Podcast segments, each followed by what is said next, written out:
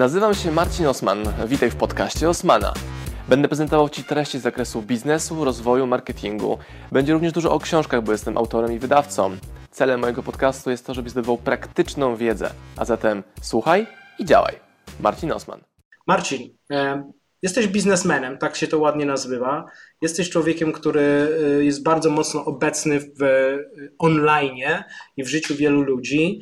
Każdego tygodnia praktycznie, jeżeli się nie mylę, kilkaset osób Cię słucha, obserwuje, uczy się od Ciebie.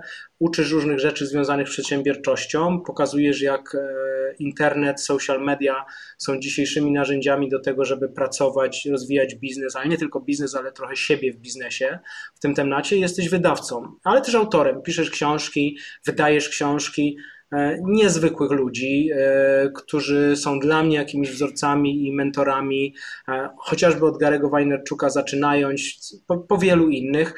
Sprzedajesz też moje książki w swoim sklepie. Nie wiem, czy to jak gdyby do tego dołączać, to na pewno to nie jest z litości, bo płacisz Trzymasz po tygodniu swoje w moim magazynie. Proszę? Trzymasz swoje w moim magazynie. Tak, no tak, właśnie, ale ja już też za ten magazyn płacę. Ja bym zaczął od bardzo prostej rzeczy. Czy ludzie dzisiaj w ogóle czytają książki? Jak to jest z Twojej perspektywy? Eee, wydaje mi się, że czyta książki 10% mhm. z tych, które kupuję. I dawno temu wyleczyłem się z tego, żeby ludzi karcić za to, że nie czytają, albo e, to słynne pytanie, które często otrzymuję, no dobra, ale czy w ogóle ktoś te twoje książki czyta? Ja nie wiem. Moją porcją roboty jest ją wydać, przedstawić, jakie wartości można w nich pozyskać i do osób świadomych i chcących działać, to trafia, są narzędzia, wdrażają, śmiga. Dlatego naszym hasłem jest czytaj i działaj. Czyli mhm. chcę, żeby każdego roku przynajmniej o kilka procent wzrosła liczba osób, które z tych, które kupiły, czyta. Gdybym tylko sprzedawał, a nie edukował, to ten wzrost nie byłby możliwy, bo ludzie po prostu by kupowali książki tyle. A tłumaczę, czemu warto i z tej strony, i tak, i wywiad z tym, i artykuł o tym, i live jeszcze drugą stronę, i tu jeszcze webinar.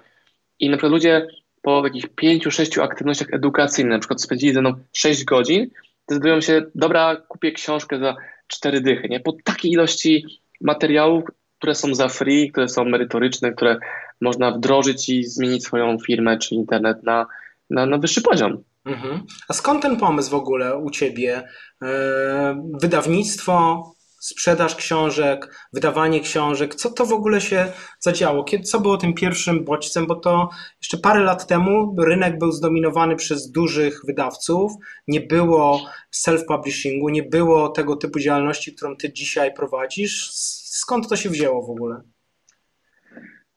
Wzięło chyba się to stąd, że zawsze kochałem książki jako czytelnik i ten rozwój osobisty zawsze gdzieś był. I ciekawostką jest to tematyczną, że pierwsza konferencja rozwojowa, na której byłem, to był, uwaga, uwaga, tak, właśnie, tak, event z Brianem Tracy w Warszawie w Mariocie, gdzie po raz pierwszy obok Tracy'ego zobaczyłem takiego innego siwego pana, pana Marka oraz takiego młodego, strasznie opalonego, takiego pucułowatego przedsiębiorcę, który stał obok niego i strasznie się uśmiechał.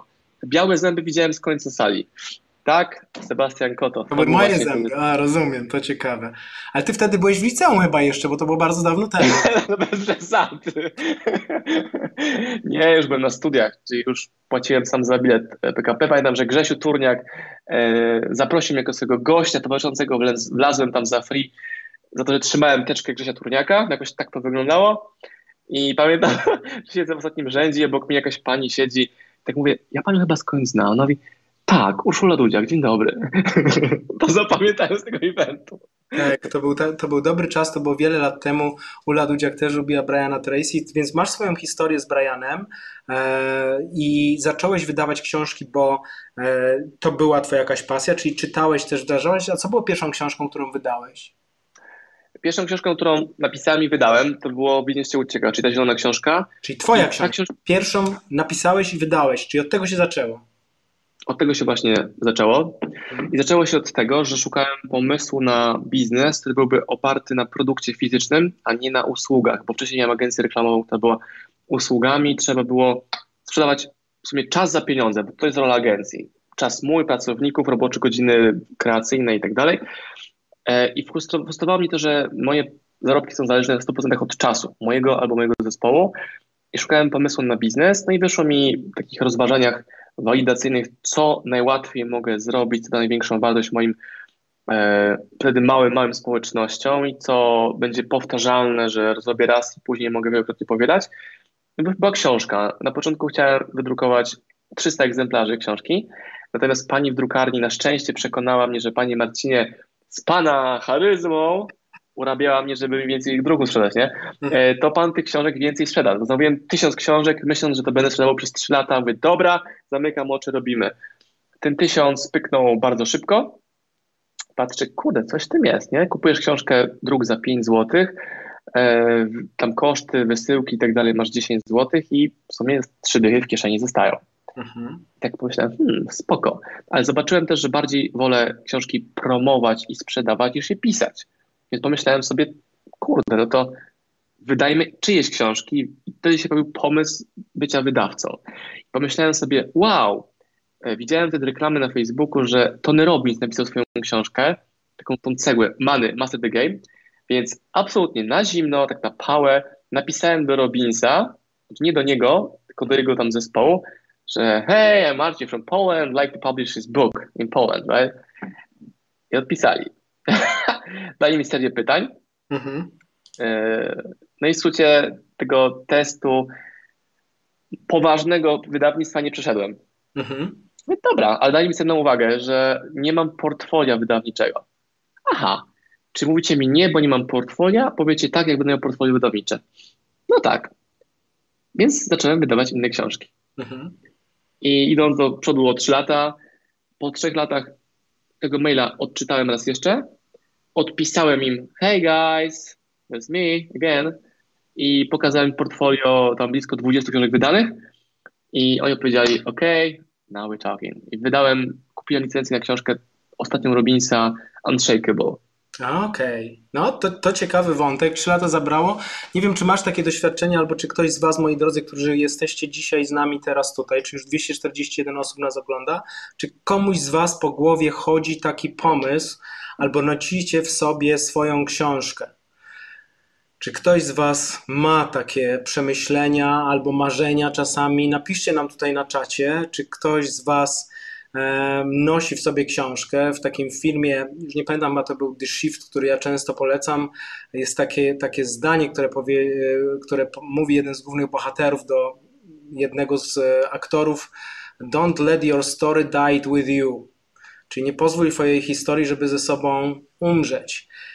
I ty masz takie doświadczenia, Marcin, że do ciebie trafiają osoby, które książki piszą. Sam ci podsyłam jakichś ludzi, którzy książki mogą napisać. Niektórzy kończą procesy, niektórzy procesów nie kończą, bo czasami na zapale się kończy i, i mamy takie humorystyczne doświadczenia chyba. Ale dzisiaj jesteś w tej roli trochę po kilku latach, że jesteś dla, dla ludzi taką furtką do świata, która nie tylko tam furtka może wydać książkę, może pomóc w tworzeniu tej książki, ale może pomóc w tym, co jest największym wyzwaniem autorów, sprzedać tą książkę pod warunkiem, że ona niesie jakąś wartość, ale jak rozumiem, że się bierzesz za temat i coś robisz, to i, i jesteś gotowy, żeby ją też sprzedawać, to tą wartość oceniasz, tak? Najczęściej jest tak, że ktoś mówi, e, chcę wydać książkę, bo, bo, bo bardzo lekki pióro, nie? że bardzo lubię pisać i ja umiem, ja umiem w pisanie, nie? tak jak mówi teraz młodszy, umiem w pisanie, umiem w internet. No i okazuje się, że spoko, najczęściej no to po prostu historia życia czyjaś, która ani nie jest urywająca okej, okay, głowę chciałem powiedzieć, że dupę, ale nie mogę tak mówić chyba tutaj, chociaż może mogę. No, dupy nie urywa, a chcę podbijać świat, w skrócie. Mhm. Jeżeli ktoś wytrzyma tą krytykę, która pokazuje, że no naprawdę trzeba się postarać, żeby tam było jakieś mięcho, no to możemy iść dalej. Nie? No i super przykładem jest Lech Kaniu, gdzie stworzyliśmy z nim książkę, jego książkę i tam jest konkret, jest inspiracja i są narzędzia, jest story życia, przez co wszystko jest kompletne. A często autorzy myślą, że wydanie książki po prostu napisze swoją historię i to jest wszystko. Zapominają o całym procesie wydawniczym, marketingowym, promocyjnym. Mhm. Często mówią, że no przecież jak będzie dobra, to ludzie kupią. No nie kupią, bo nawet oni się nie dowiedzą. Tak, to prawda. W skrócie.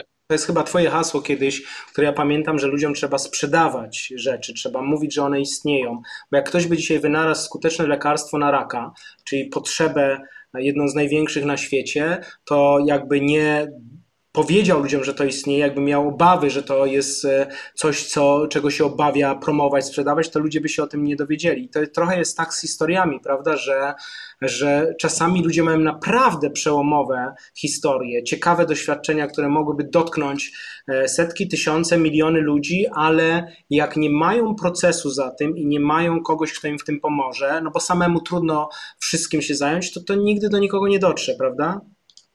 No często jest pytanie, jak ci się książka sprzedaje? No ja mówię, że no nie sprzedaje mi się, tylko ja ją sprzedaję. Jest jakiś procent sprzedaży, która się dzieje w momencie, gdy ja śpię, ale jak wstaję, skakują większe liczby.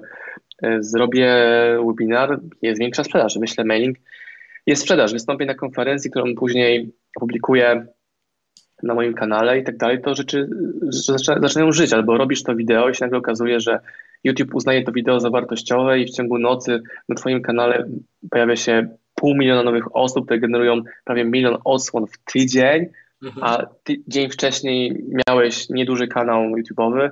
No i to, to jest dla mnie fascynujące, że robisz, robisz, robisz, wychodzi. Mhm. E, w którymś z filmów, już nie pamiętam tytułu, było takie zdanie, że build it, they will, they will come. E, tam zbuduj jakiś wiesz, jakieś boisko do baseballa i jak już je zbudujesz, to ludzie będą przychodzili. Mhm.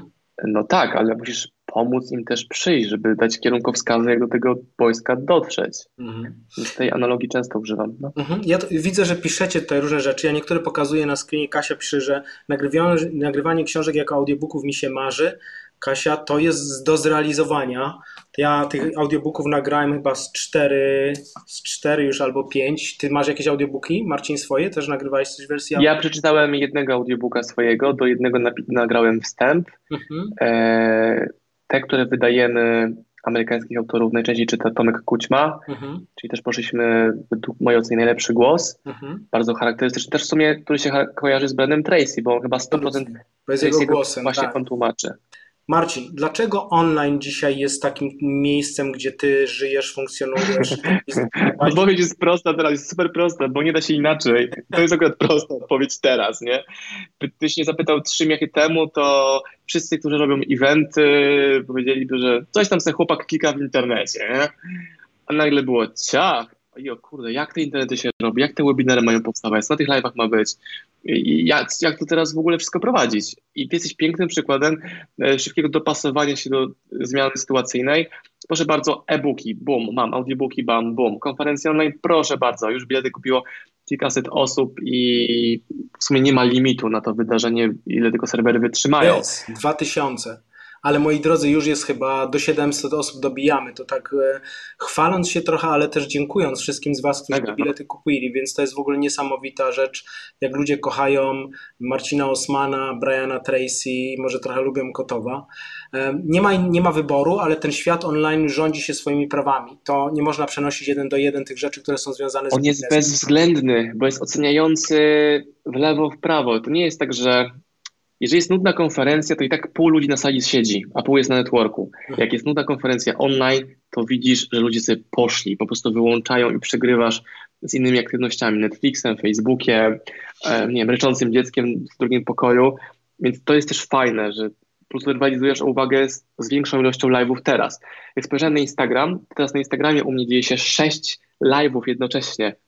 Mhm. I te live'y często są dwuosobowe, więc w sumie jest ich 12 mhm. na różnych e, zasięgach i często na tych live'ach jest kilkaset osób. Mhm. Internet jest spoko. Znaczy ja w ogóle myślałem, że w tym kryzysie to wiesz, prędzej internet wyłączą niż e, udostępnią kurierów śmigających po całej Polsce. To była moja obawa, ale też mówię, dobra, jak wyłączą internety i kurierów, to, trzeba będzie przejść, okej, okay, przeczekać przeczekać, przeczekać, uczyć się, uczyć, uczyć, uczyć, być gotowym na powrót do normalności, ale tak ani internetu nie wyłączyli, kurierzy śmigali jeszcze szybciej niż zwykle, sklepy otwarte, no to w sumie nie jest chyba aż tak źle. Natomiast na pewno była gotowość do działania w trybie zagrożenia. Co to jest, Marcin, ta koncepcja daj, daj, daj, bierz? Bo to jest właściwie jeden z elementów, który jest dla mnie kluczowym w takich trzech obszarach, o którym chcę pogadać. E, ja bym to, to zdanie poprawił, wiesz? Daj, daj, daj, poproś albo zapytaj. Bo takie weź zakłada. Wiele osób, wiele osób tłumaczy sobie to dosłownie, czyli um, daj, daj, daj, weź. Czyli, że dam komuś pięć filmików na YouTubie pięć postów na Facebooku, pięć na Instagramie i teraz mam prawo, żeby wziąć od mojego widza jego pieniądze, adres mailowy czy jego czas. A to tak właśnie nie jest, że mogę poprosić o to, aby on obejrzał kolejny materiał, stawił maila, pojawił się na webinarze, kupił u mnie, wiesz, książkę za cztery dyszki, czy bilet na event za 150 zł. I my wiemy, że wartość książki eventu jest znacznie większa niż ta kwota kilkadziesiąt czy kilkaset złotych, ale i tak naszą robotą jest przekonać tą drugą stronę, że tak, jeśli zainwestujesz godzinę, dwie, trzy z nami, to będziesz lepszym człowiekiem po tym czasie, bo otrzymasz wiedzę, merytorykę, inspirację, kontakt, e, jakieś wiesz, rzeczy, które ktoś potrzebuje. Więc u mnie ta metodologia, filozofia bardziej nawet, mhm. E, realizuje się w tym, że tworzę dużo treści na YouTubie. Mam około tysiąca filmów na YouTubie, tam 1400 postów na Instagramie, jestem aktywny w mediach online'owych i to jest, to jest twoje daje wartość.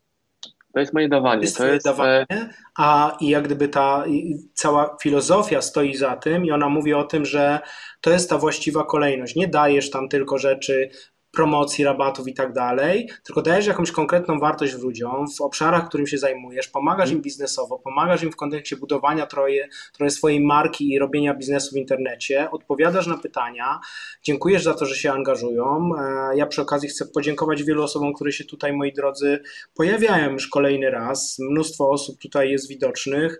E, ktoś jest pierwszy raz, ktoś jest już kolejny raz, ktoś jest drugi raz. Bardzo, bardzo Wam dziękuję za to, że jesteście, bo to też dla nas jest jest ważne i takie nadaje sens temu, że my to robimy i że wracamy w te środy i że się spotykamy i dajemy e, sobie przestrzeń na to, żeby porozmawiać, że ktoś do tego wraca. Czyli dajesz, dajesz, dajesz, jak długo dajesz, a kiedy prosisz? Bo to jest też takie pytanie, które do mnie wraca, to ile powinienem dać, albo co powinienem dać? No to właśnie. Albo jeszcze jedno pyta... ciekawe, a jak dam, a potem ktoś nie będzie chciał ode mnie kupić, to jest ciekawe, ja mam tak. swoją teorię na ten temat, co ty na ten temat uważasz? To pierwsza część a propos tego dawania, ktoś pyta, no, no to ile mam tego dawać, to pokazuje, że ktoś tego już nie rozumie na samym początku. By dawanie jest w nieskończoność. To po pierwsze. Mhm. Tej filozofii. Oczywiście ona ma też wielu przeciwników, którzy mówią, że nie, broń Boże.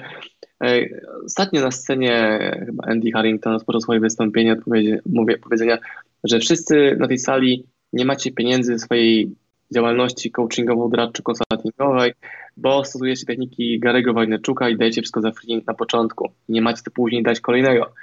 Ja się absolutnie fundamentalnie z tym nie zgadzam. Czyli e, na początku jest budowanie wdzięczności. I to się czuje, czy ta grupa, której dajesz te treści, czy ona wraca, czy ma pytania, czy są wyrazy wdzięczności. To się czuje. To nie jest zero-jedynkowe. Mhm. To, to czujesz. I każdy to poczuje. Jeżeli tego nie ma, znaczy, że to jeszcze nie jest ten moment. A okej, okay. teraz... jak gdyby, że jak gdyby ta koncepcja, którą wiele osób ma, które zaczynają, bo które nie rozumieją konceptu, to podchodzą do tego w taki sposób to się ładnie mówi trading, czyli takiej wymiany handlowej. To nie jest ta droga, tak? To jest droga donikąd. Jak gdyby cały biznes opiera się na tym, że to nie jest tak, że za darmo wszystko, bo musisz ten biznes z czegoś prowadzić, ale twoja intencja jest taka, żeby się dzielić z ludźmi jak największą ilością rzeczy, które gdzieś tam jest, bo, bo to jest fundament, to jest marketing, tak? To jest sposób dbania o, i budowania e, grona audytorium ludzi, którzy kupują to, co ty robisz, tak? Kupują twoje idee i ciebie przede wszystkim, tak? No, no dokładnie, zobacz, na tym live, który to już pewnie z 15-20 minut, e, można było usłyszeć kilka już wartościowych lekcji. Oczywiście część osób powie, że dobra, panowie, konkrety, no spoko, ale ktoś przegapił, że to były już lekcje, mhm. więc tym osobom trzeba to pokazywać w inny sposób, w innej formie i mi się na przykład zdarza, że ktoś mówi mi, Oglądam cię od dwóch lat i dzisiaj zamówiłem twoją książkę. Wow, czyli pracowałem dwa lata, żeby ktoś u mnie wydał 39 zł.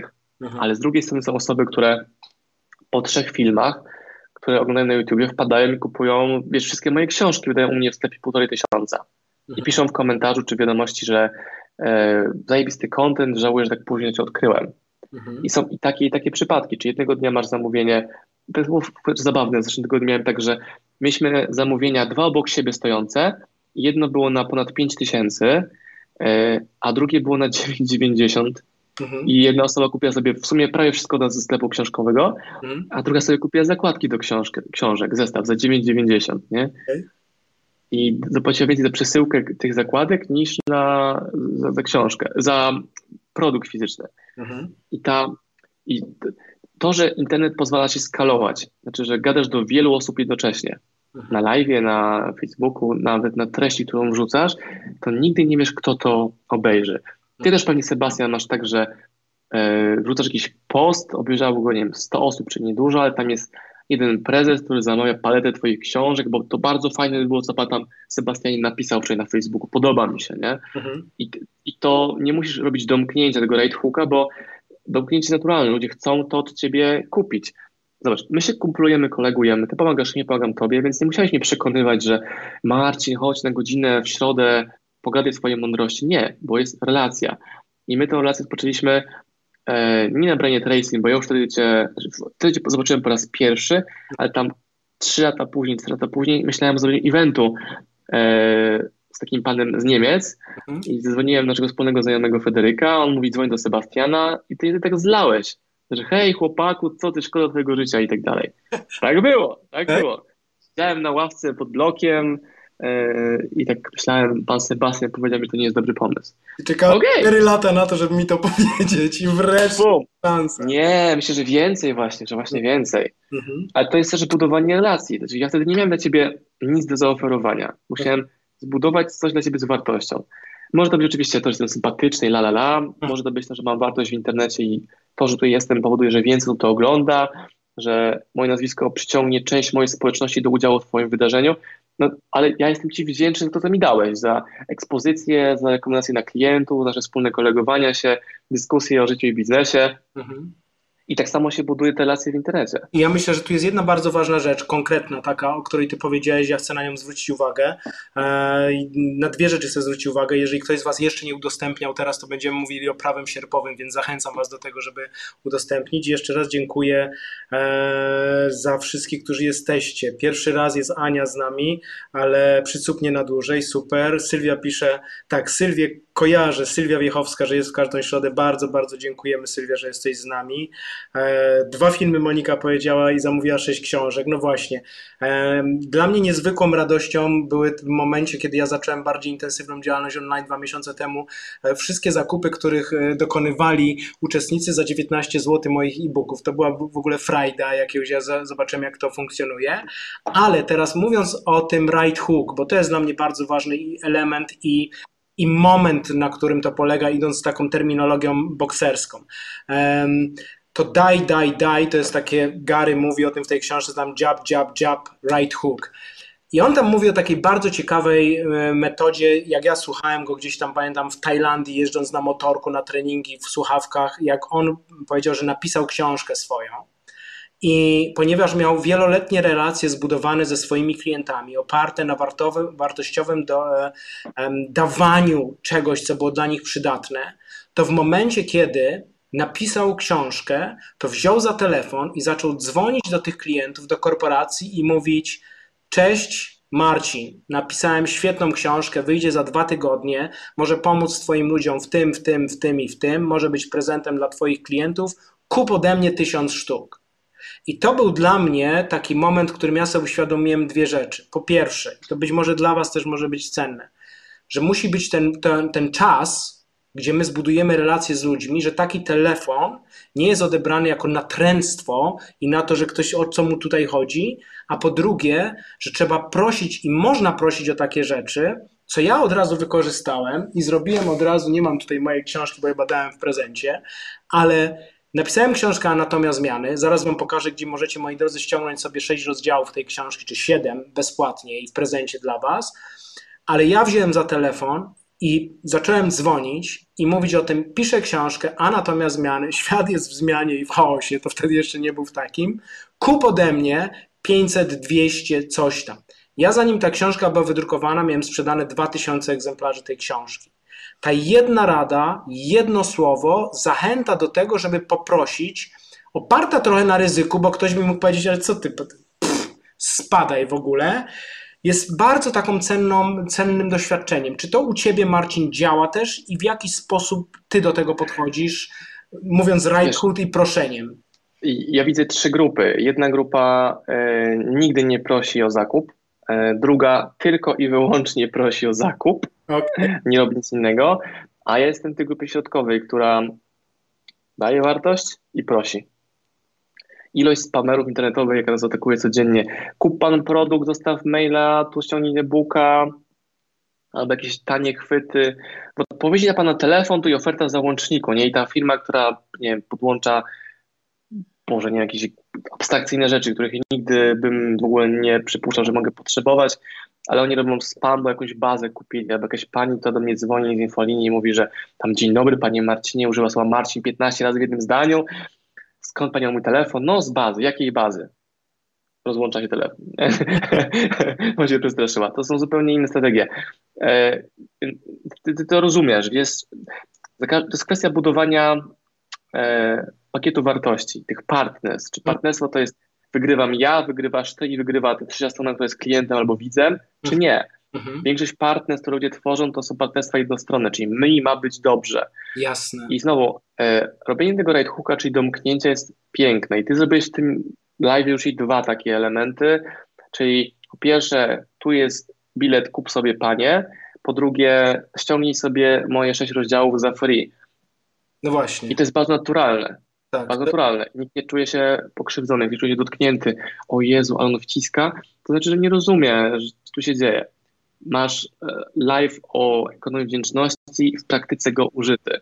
Mhm. Czyli nawet możemy powiedzieć o e, tym prezencie, jaki przygotowaliśmy dla uczestników dzisiaj, mhm. które wiele osób zakwestionuje, że to jest, ale to jest tani chwyt, ale część z niego skorzysta. No Mogę go przedstawić. Jest, bo, bo, to jest moim zdaniem, jeszcze jednej rzeczy chyba nie zrobiłem i nie powiedziałem, bo mi się to bardzo podoba, bo to jest tak, że jeżeli bo warto zachęcić kogoś, nie używać tanich sztuczek, tylko powiedzieć: Słuchajcie, mam coś wartościowego. Dlaczego uważam, że to jest wartościowego? Wartościowa jest na przykład udział w konferencji z Brianem Tracy, gdzie ja będę miał swój wykład, ty będziesz miał swój wykład, Brian Tracy, jeszcze kilku gości. I o tym niebawem się dowiecie. Że na koniec wykładu będziemy podpisywać książki. E, tak, w wersji cyfrowej, podpisem cyfrowym z Autenti. Więc to się trochę, Marcin, wracamy do tego tematu, albo zaczęliśmy temat ekonomii wdzięczności fenomenalny termin dla mnie, fenomenalny termin związany z ekonomią, z biznesem, z pieniędzmi, ze sprzedażą i z wdzięcznością. Co to jest w Twoim wydaniu, co to jest w Twojej perspektywie? Mm, wdzięczność pojawia się wtedy, jeżeli czyjeś życie jest zmienione już, czy firma, zanim w ogóle wydał pieniądze. Nie? Bo wtedy sobie ludzie myślą, no dobra, no skoro tak to działa, to co będzie, jak u niego wydamy pieniądze? Czyli dopiero wejdę w relację biznesową z nim i, i to jest coś, co w sumie działa w nieskończoność. Ty to, wiesz, rozumiesz, o czym ja mówię, bo żyjesz w ten sposób. Mhm. Coś mi się tutaj przycięło. Nie, słyszymy cię cały czas. Bardzo dobrze cię słyszymy. O, przepraszam, bo ty coś mi się skarby zmniejszył, powiększył. Mhm. E, o, dobra, wróciło okienko. Także e, Ludzie uważają, że ekonomia wdzięczności nie będzie działała u nich, że wszystko rozdadzą, co mają i, i, i co to w ogóle będą sprzedawać. Ale jeżeli działamy w ten sposób, robimy webinar za free o swoim temacie, to po pierwsze, przez godzinę nie możesz tego tematu całkowicie rozwinąć. Mhm. Jeżeli wszystko, co masz, to jest godzinny wykład, no to to słabo tobie świadczy, a nie to, że go rozdajesz za free to też zmusza do tego, żeby się szybciej rozwijać, zmieniać mhm. e, i żeby mm, być konkurencyjnym.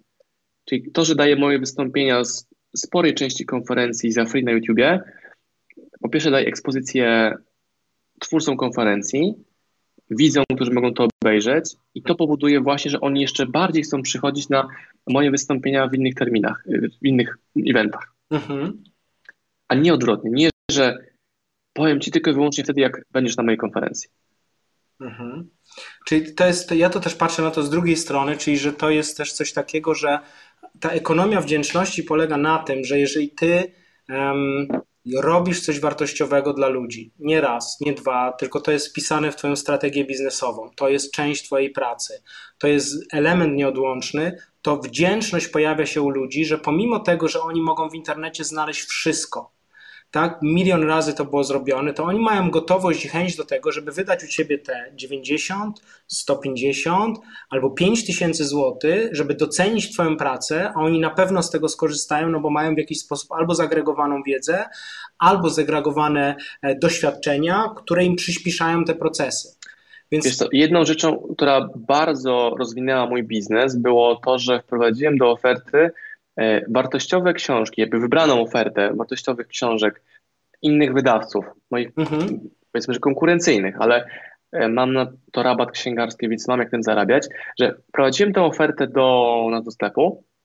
Założenie było takie, że trzymam cenę okładkową tych książek, czy nie rabatuję ich tak jak jest na Allegro mhm. i myślałem, no spróbujmy. Kupiłem tam kilka egzemplarzy per tytuł mhm. i okazało się, że ludzie kupują u mnie książki, które mogą kupić w innej części internetu mhm. w pełnych cenach u mnie. Mhm.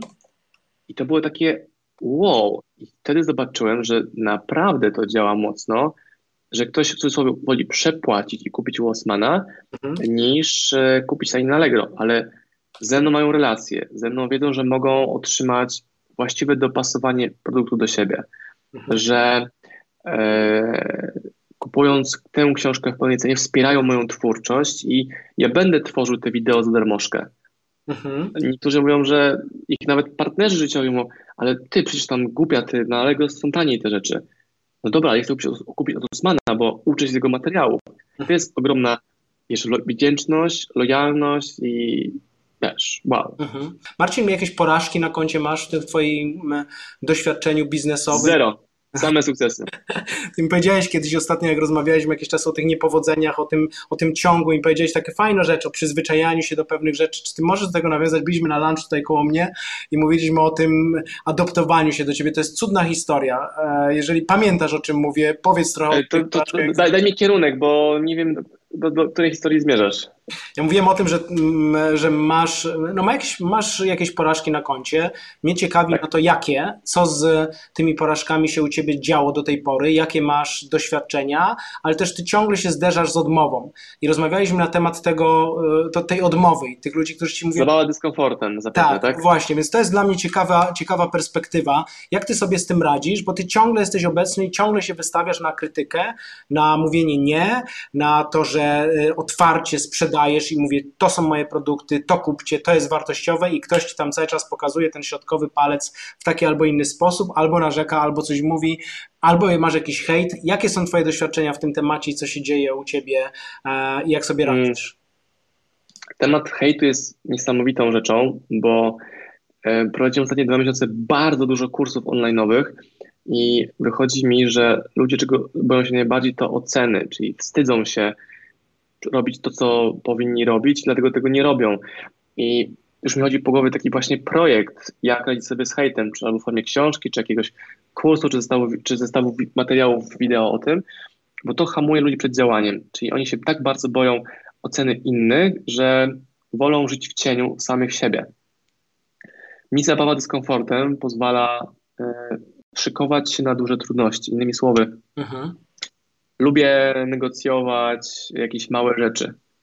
Tam cenę kawy na przykład. No nie, nie codziennie, to nie o to chodzi, ale żeby wystawiać, jeżeli czuję, że jest mi niekomfortowo w takiej małej, codziennej sytuacji, nie wiem, kelner przynosi zupę, zupa jest niedobra, to nie będę się krzywił i jej jadł do końca, tylko ją e, zgłaszam, oddaję. A wiem, jak wiele osób ma problem z zakomunikowaniem takiej rzeczy w restauracji. Mhm. E, a ja po prostu wstaję i idę i, i to robię. I Czego małe... przykładem była oczywiście nasza historia i tu moi drodzy musimy wam dwa słowa powiedzieć. Byliśmy na lunchu, zamówiliśmy jakieś ciekawe rzeczy, e, jakiś rosół Marcin zamówił i coś jeszcze, no i próbuje ten rosół jeść i coś mu nie smakuje ten rosół. I to rzeczywistość, historia z pierwszej ręki, nie smakuje. Coś jest słodkawy ten rosół, on był jakiś wegański, prawda? Miał być coś... bulion warzywny z kruszeczkami, tak się nazywa. Bulion warzywny z kruszeczkami, ale coś mu nie smakuje, coś jest słodkawy, więc Marcin dokładnie tak jak wam teraz opowiada, prosi panią kelnerkę i mówi, że coś mu to nie pasuje, że to nie jest, że to chyba nie jest to. Pani kelnerka idzie do, do kuchni i mówi, wraca i mówi, bardzo pana przepraszamy, ale kucharz wlał panu, co wlał? Sok jakiś czy kompot? Nie, wlał e, rozpuszczony karmel. Rozpuszczony karmel, no więc, więc tak to jest czasami. Um, czyli ty sobie dajesz szansę na dyskomfort, trenujesz się w tym dyskomforcie, obywasz się z tym. W psychologii to się nazywa takim procesem habituacji, oswojenia. Czyli mm. dzisiaj już te odmowy, które są dla ludzi trudne czasami, bo to jest takie poczucie, że ludzie bardzo osobiście to biorą. Ale wiesz, e, trochę ci wejdę z tobą, powiem do czego zmierzasz. Znaczy, ludzie czego się boją? Co pomyśli moja rodzina? Mhm. No to po pierwsze mam to w dupie, już, teraz. Mhm. Ale to było ciężkie, bo pochodzę z mojej miejscowości, pojechałem do Krakowa na studia, i okazało się, że ani mnie tam nie rozumieją, ani w domu nie rozumieją, a potrzebujesz tej akceptacji kogoś, jeżeli nie masz akceptacji, nie wiem, w moim przypadku ja potrzebuję jednej osoby i to jest moja żona. Jeśli to mam, to cała reszta dla mnie nie ma znaczenia. Czy dla mnie komentarze, że jestem nie wiem, głupi albo, nie, albo jakiś niefajny, albo że mój uśmiech jest nieszczery, mają jakiś wpływ na mnie? Nie jesteś głupi. O, dzięki. Chyba. Nie jesteś głupi. Myślę, że wiele osób, które tutaj siedzą z nami i oglądają, może to potwierdzić. Ale wiesz, teraz mówię to, czego ludzie się boją, że ktoś powie im, że na przykład się nie znają. Ktoś, kto się naprawdę nie zna, to powie, że się nie znają. Albo że y, jakąś głupotę napisze, albo jakieś zdjęcie wrzucę i ktoś negatywnie ocenia, albo książkę napiszę, a co jak ona się ludziom nie spodoba? Ta książka ma się tobie podobać i znowu, to jest i słuchanie innych i niesłuchanie innych. Jeżeli ktoś mówi mi na live, że hej Osman, masz słaby dźwięk, to nie mówię mu sam masz słaby dźwięk, tylko patrzę, może coś jest niepodłączone.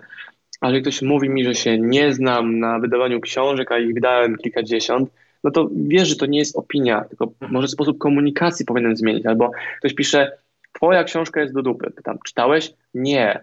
Aha, czyli marketing tej książki w twoich oczach jest do dupy. Mhm. No, w sumie masz rację. Dobra, czego potrzebujesz, skoro gadamy o tej książce? Czyli znasz mnie, wiesz, że jest książka, tracisz czas, czy dajesz czas na komentowanie tego, że jest słabą książką, czego ci brakuje? Mhm. Nie, no w sumie wszystko spoko, tylko tam miałem gorszy dzień. Mhm. I słabo. Tak czasami jest, prawda? Tak to czasami tak. jest, że, że to nie jest taka sytuacja. Ja czytałem kiedyś takie powiedzenie Robina Williamsa, którego już nie ma z nami dzisiaj, który powiedział, że trzeba być życzliwym dla nieżyczliwych, bo oni tego potrzebują najbardziej.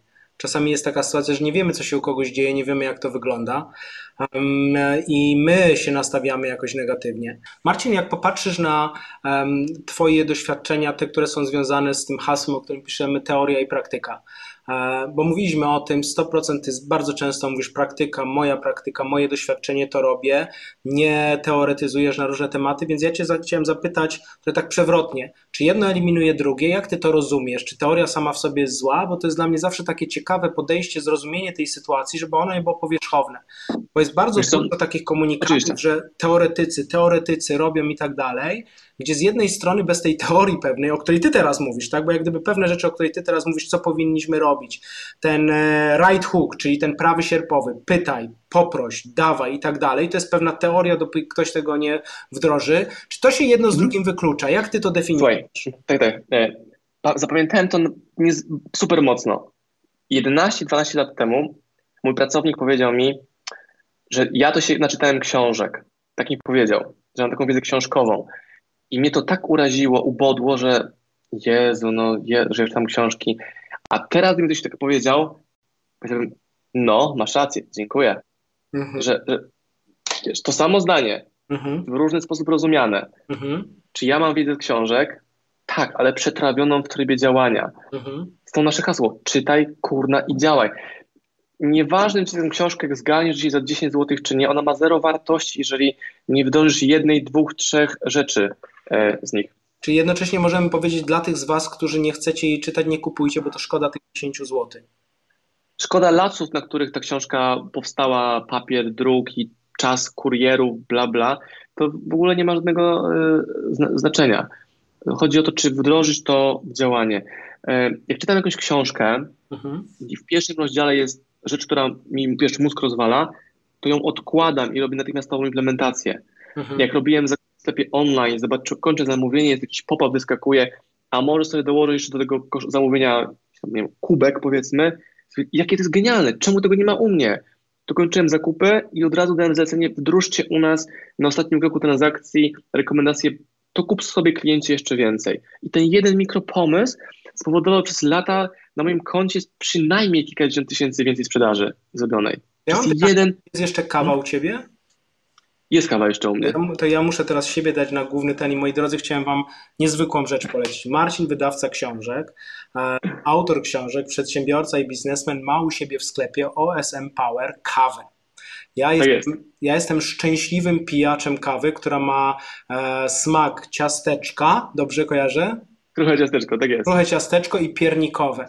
To jest jedna z najlepszych kaw, jakie ja w życiu piłem. Ja uwielbiam. Ten smak jest niesamowity. Kurde, no i teraz będę musiał wysłać, bo tak ładnie o tym mówisz. No dobra, wysieć kilogram kawy, dobra. Pa, Wykastrowałeś. Yy, smaki są niesamowite. Piję jej za dużo niestety, dlatego potem mnie głowa boli, więc polecam wam gorąco na hasło, na kod Sebastian, który wpiszecie, który Marcin pewnie w ciągu następnych 10 minut uruchomi, będziecie mieli 10% rabatu, no bo to jest twardy produkt, to idzie z Brazylii, więc nie można tego robić, e, obniżać, no bo przecież lasy tam i tak dalej, ale ta kawa jest wyśmienita. Oczywiście do kawy na ostatnim etapie polecam Wam książki Marcina, ale to jest bardzo, bardzo ważny wątek, który się z tym wiąże.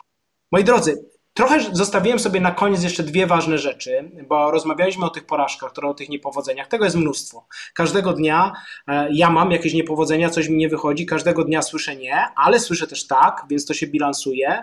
Jak człowiek nie zapyta, to zawsze słyszy nie i to jest moja dewiza zawsze była taka, chociaż wcale mi to łatwiej nie przychodzi. Ja nienawidzę niepowodzeń, ja nie lubię jak mi ktoś odmawia, ja nie lubię odrzucenia. Jak e, ja mam na moim profilu na Facebooku wpisane, że jak ktoś będzie pisał coś, co się nie zgadza z moim moimi poglądami, to mogę go usunąć. Ja co prawda to napisałem z 2 czy 3 lata temu, ale to jest gdzieś tam we mnie, ale jednak daję sobie na to przyzwolenie. I chyba, tak jak ktoś napisał z Was tutaj wcześniej, jak ktoś nie ma gotowości do tego, żeby być odrzuconym, jak ktoś nie ma gotowości do tego, żeby nie być lubianym, bo to jest dosłownie taka tak. historia. Nie dlatego, że jesteś zły i inny, tylko że ludzie mają różne preferencje. Ja mogę mówić dokładnie to samo o przedsiębiorczości, co Marcin, kropka w kropkę i niektórzy kupią u Marcina i będą go słuchać i kompletnie nie poczują tego, co ja mówię, a niektórzy kupią u mnie, będą mnie słuchać i nie kupią Marcina. To jest tak silnie osobowościowe i tak istotny ten element, po prostu mamy różne preferencje. Trzeba mieć świadomość tego, że w biznesie będzie się nielubianym. Ja to zawsze mówię, nie przez wszystkich, ale może się być nielubianym. Ja to zawsze mówię menedżerom, z którymi pracuję w korporacjach, że jak chcesz być menedżerem i chcesz awansować jeszcze, to musisz zaakceptować, że ludzie nie będą cię lubili. To jest część pracy menedżerskiej. Ludzie nie będą Ale nie lubili. po to tam jesteś. Właśnie to jest błąd założeń. Ja chcę być, żeby mnie lubiano, no to nie wiem, załóż sobie, co, kogo wszyscy lubią? Wiem, lodziarza lubią wszyscy, nie? Lody rozdaje, ale kogoś lubią wszyscy. Pomidorową. Kogo? Pomidorową. Co? Pomidorową. No, no dobra, ale nie tworzysz biznesu po to, żeby każdy cię lubił nie da się być lubianym przez każdego. Znam złotych ludzi, super uprzejmych, profesjonalnych, którzy mówią, że ktoś tam ich hejtuje w internecie za jakąś głupotę, bo się komuś nie podoba, wiesz, kąt, w jakim prążki na marynarce są ułożone. No, najczęstszy obiekcja, jaką ja z nimi walczę, to jest przekombinowywanie. Innymi słowy, mówię, dobra, możesz tworzyć wideo do internetu. To w głowach takich, takich osób jest studio, kamery, operator, montażysta i tak dalej. Ja mówię, nie, działaj tu i teraz tym, co masz.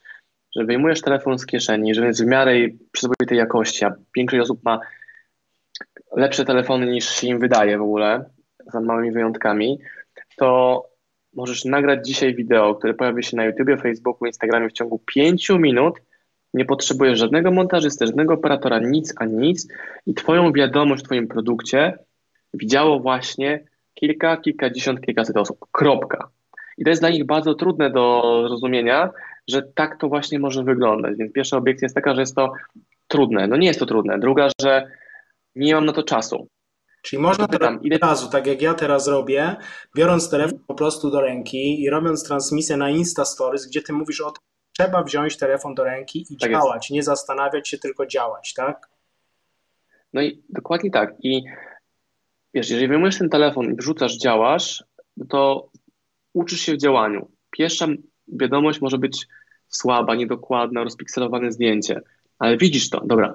W drugim kroku poprawię, na przykład to, że stanę sobie twarzą do okna, a nie pod światło do kamery. I poprawiasz, poprawiasz, poprawiasz, tak okazuje się, że zrobiłeś 100 materiałów na YouTube'a, 98 jest słabe, ale 99 YouTube uznał za wartościowy i podesłał swoim widzom i nagle masz viral na kanale, albo albo nie masz tego wirala, na ciebie 100 osób, z czego masz 5 zamówień, które mogą całkowicie utrzymać twoją firmę.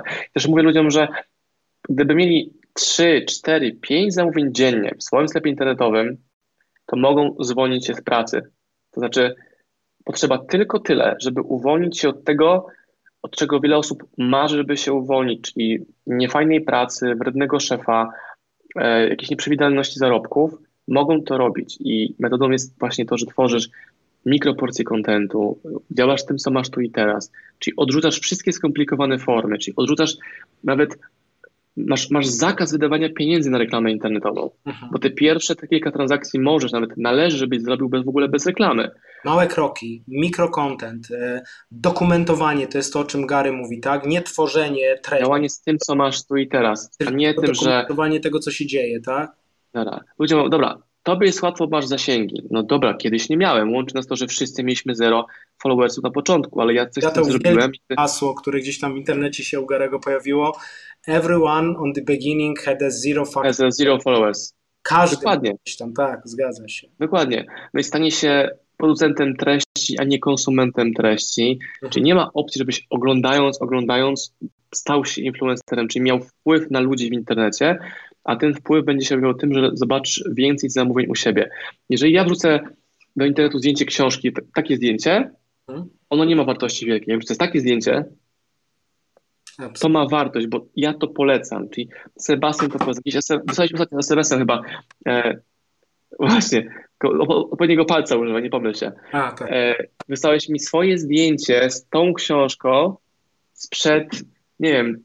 Czterech, pięciu lat na Facebooku się... Pięciu lat. Bo to był, nasz, to był nasz początek znajomości, Sebastian, wtedy właśnie. I ty wszędzie te książki, ja widziałem cię w internecie, na Facebooku, ludzi z tymi książkami, które trzymali ci ludzie książkę. Mówię, co za koleś wszystkim te książki wciska.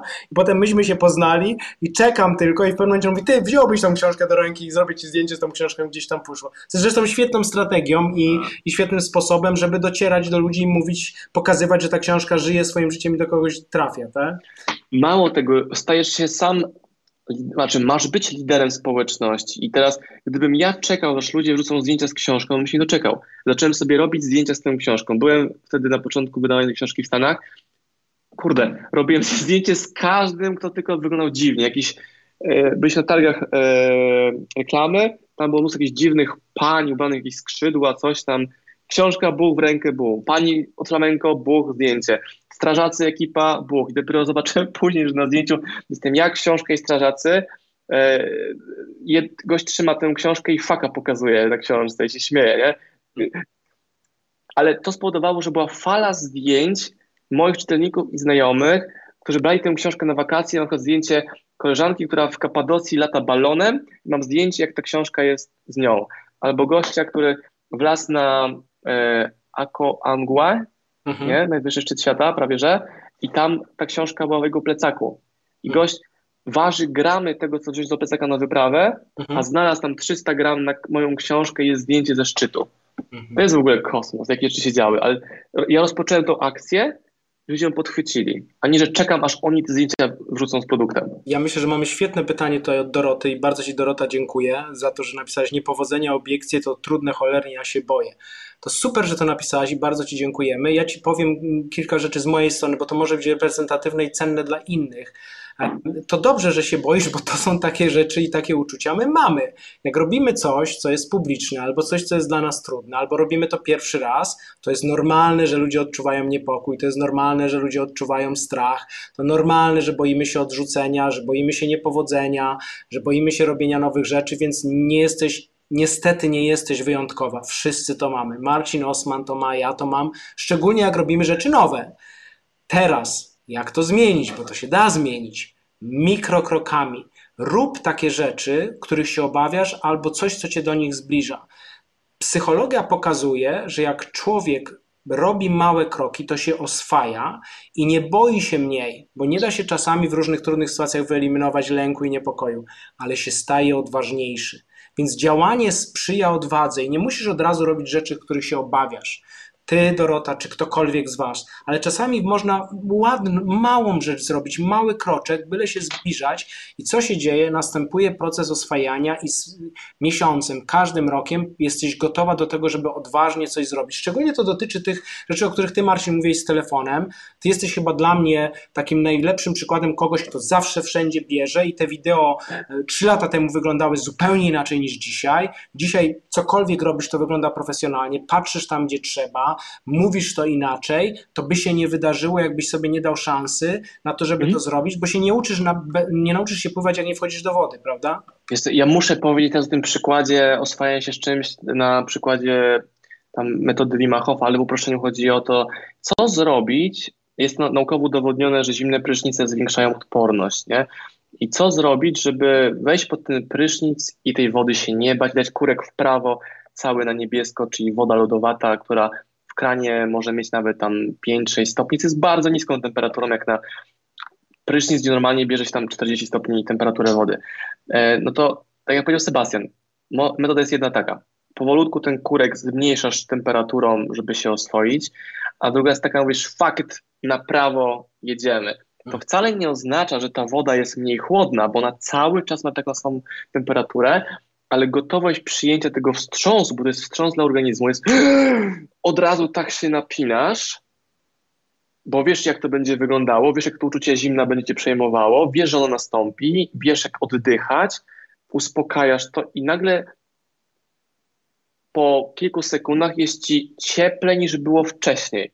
No to ja do tego poziomie... dołożę, mogę, bo to z mojej praktyki. Bardzo proszę. I zachęcam Was do, do e, słuchania i czytania o Wimie Hofie. Ja nie wiem, czy to jest oficjalne jeszcze o tym Wimie Hofie. Tak, tak, tak. Tak, Marcin niedługo wydaje książkę Wima Hofa. Człowiek się nazywa Iceman, jest 27 rekordów Guinnessa ma za wystawianie się na zimne temperatury, ale jest bardzo ciekawe, bo to jest jedna rzecz, wejść pod zimny prysznic przerażająco trudne, ale są trzy sposoby. Po pierwsze, jak się nauczysz, to będziesz robił rzeczy, które są trudne w innych dziedzinach życia. Tak, dokładnie. Bo to, jest, bo to jest dokładnie ten sam mięsień, który się trenuje z dyskomfortem, więc jak nauczysz się robić, co jest trudne, to potem w ciągu dnia będziesz miał rozmawiać z klientem, albo z szefem, albo z podwładnym i to będzie trudne, więc będziesz miał więcej odwagi do tego, żeby to zrobić, bo ten mięsień emocjonalny się wykształca. A jest jeszcze jedna rzecz wiedza, która za tym stoi, jest bardzo ważna.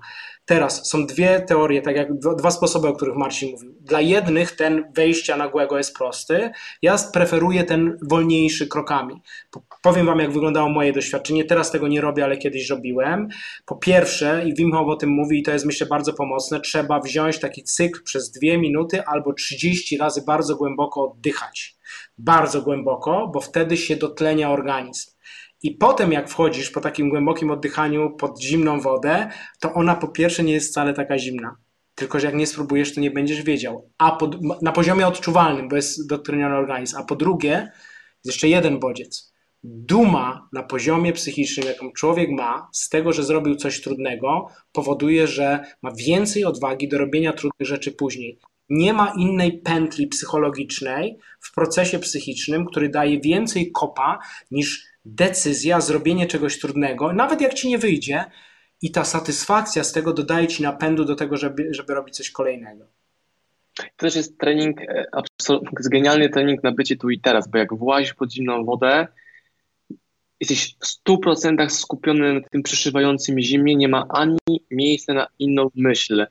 Jeżeli jakimś cudem by się ona pojawiła, no to przegrałeś, bo zmarzniesz. Ja wlazłem w gaciach pod samą Śnieżkę w lutym, gdzie był mróz, wiatr i padający poziomo e, i ludzie, którzy byli nieskupieni na drodze, przegrywali, bo trząsło nimi zimno, nimi zimno, a ci, którzy byli skupieni na tym zadaniu, na oddychaniu, na skupieniu na misji, dochodzili bez problemu, wchodzili na górę, zamawiali, wiesz, tam zupę i było git. Mhm. Więc ten trening skupienia, a i to też pokazuje ja tą, tą lekcję pamiętam bardzo dobrze, właśnie z lutego tego roku, że kurna, jak ja się będę rozpraszał w tej mojej drodze, to mi tupa zmarznie, albo się, mhm. wiesz, przenośnia, moja własna przenośnia to dla mnie. Ja muszę być skupiony, więc ja nie mogę patrzeć na czekające pieski po bokach, że to, co robię, jest głupie. Nie mogę e, rozpraszać się na to, czy widzi mnie, nie wiem, czy media mnie widzą. Mhm. Mogę być przez media doceniony tym, co robię, a nie, że dążę do mediów za wszelką cenę. Czyli... To jest chyba ta, e, to jest dla mnie, z mojej, moim zdaniem, taka prawo pośredniego działania. To znowu jest temat Briana Tracy, o którym on kiedyś powiedział, dlatego warto czytać książki chociażby.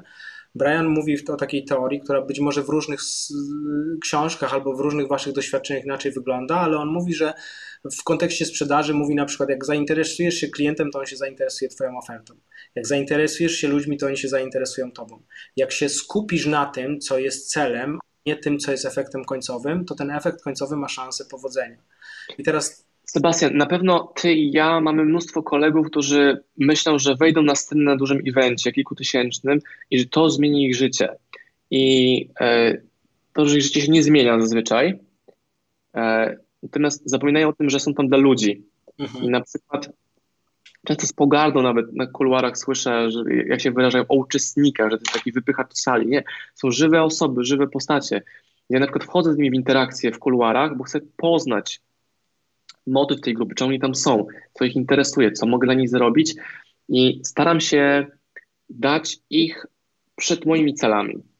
Wtedy wiem, że moje są zrealizowane, czyli nie wyjść na scenę i im coś sprzedać, tylko co ja mam im dać, żeby ta wdzięczność była tak duża, że sami przyjdą do mnie z pytaniem, gdzie mogę twoje pieniądze zostawić u ciebie? Albo pomóż mi, bo widzę, że masz ekspertyzę w tym temacie. To jest prawo pośredniego działania w praktyce. E, dziękuję pięknie Sebastian za zaproszenie. E, dzięki, działamy dalej. Moi drodzy, dziękuję, dziękuję wszystkim za to, którzy tutaj piszecie, że kupiliście bilety, książki kupione, teraz tylko czas na zimny prysznic, więc od zimnego prysznica dzisiaj i do tego Was zachęcamy. Bardzo Wam dziękuję. Widzimy się za tydzień o 20 i zachęcam Was do śledzenia naszych profili. Marcin, bardzo dziękuję. Do zobaczenia. Trzymajcie się. Cześć. Dzięki, cześć. Pozdrawiam Was, moi drodzy podcasterzy, słuchacze mojego podcastu. Dziękuję, jestem Wam na maksa wdzięczny za to, że mogę z Wami spędzać czas w podróży, po to, abyście mogli do mnie się uczyć i ja, żebym mógł budować Wami relacje, będąc w Waszych uszach, Waszych samochodach, Waszych podróżach.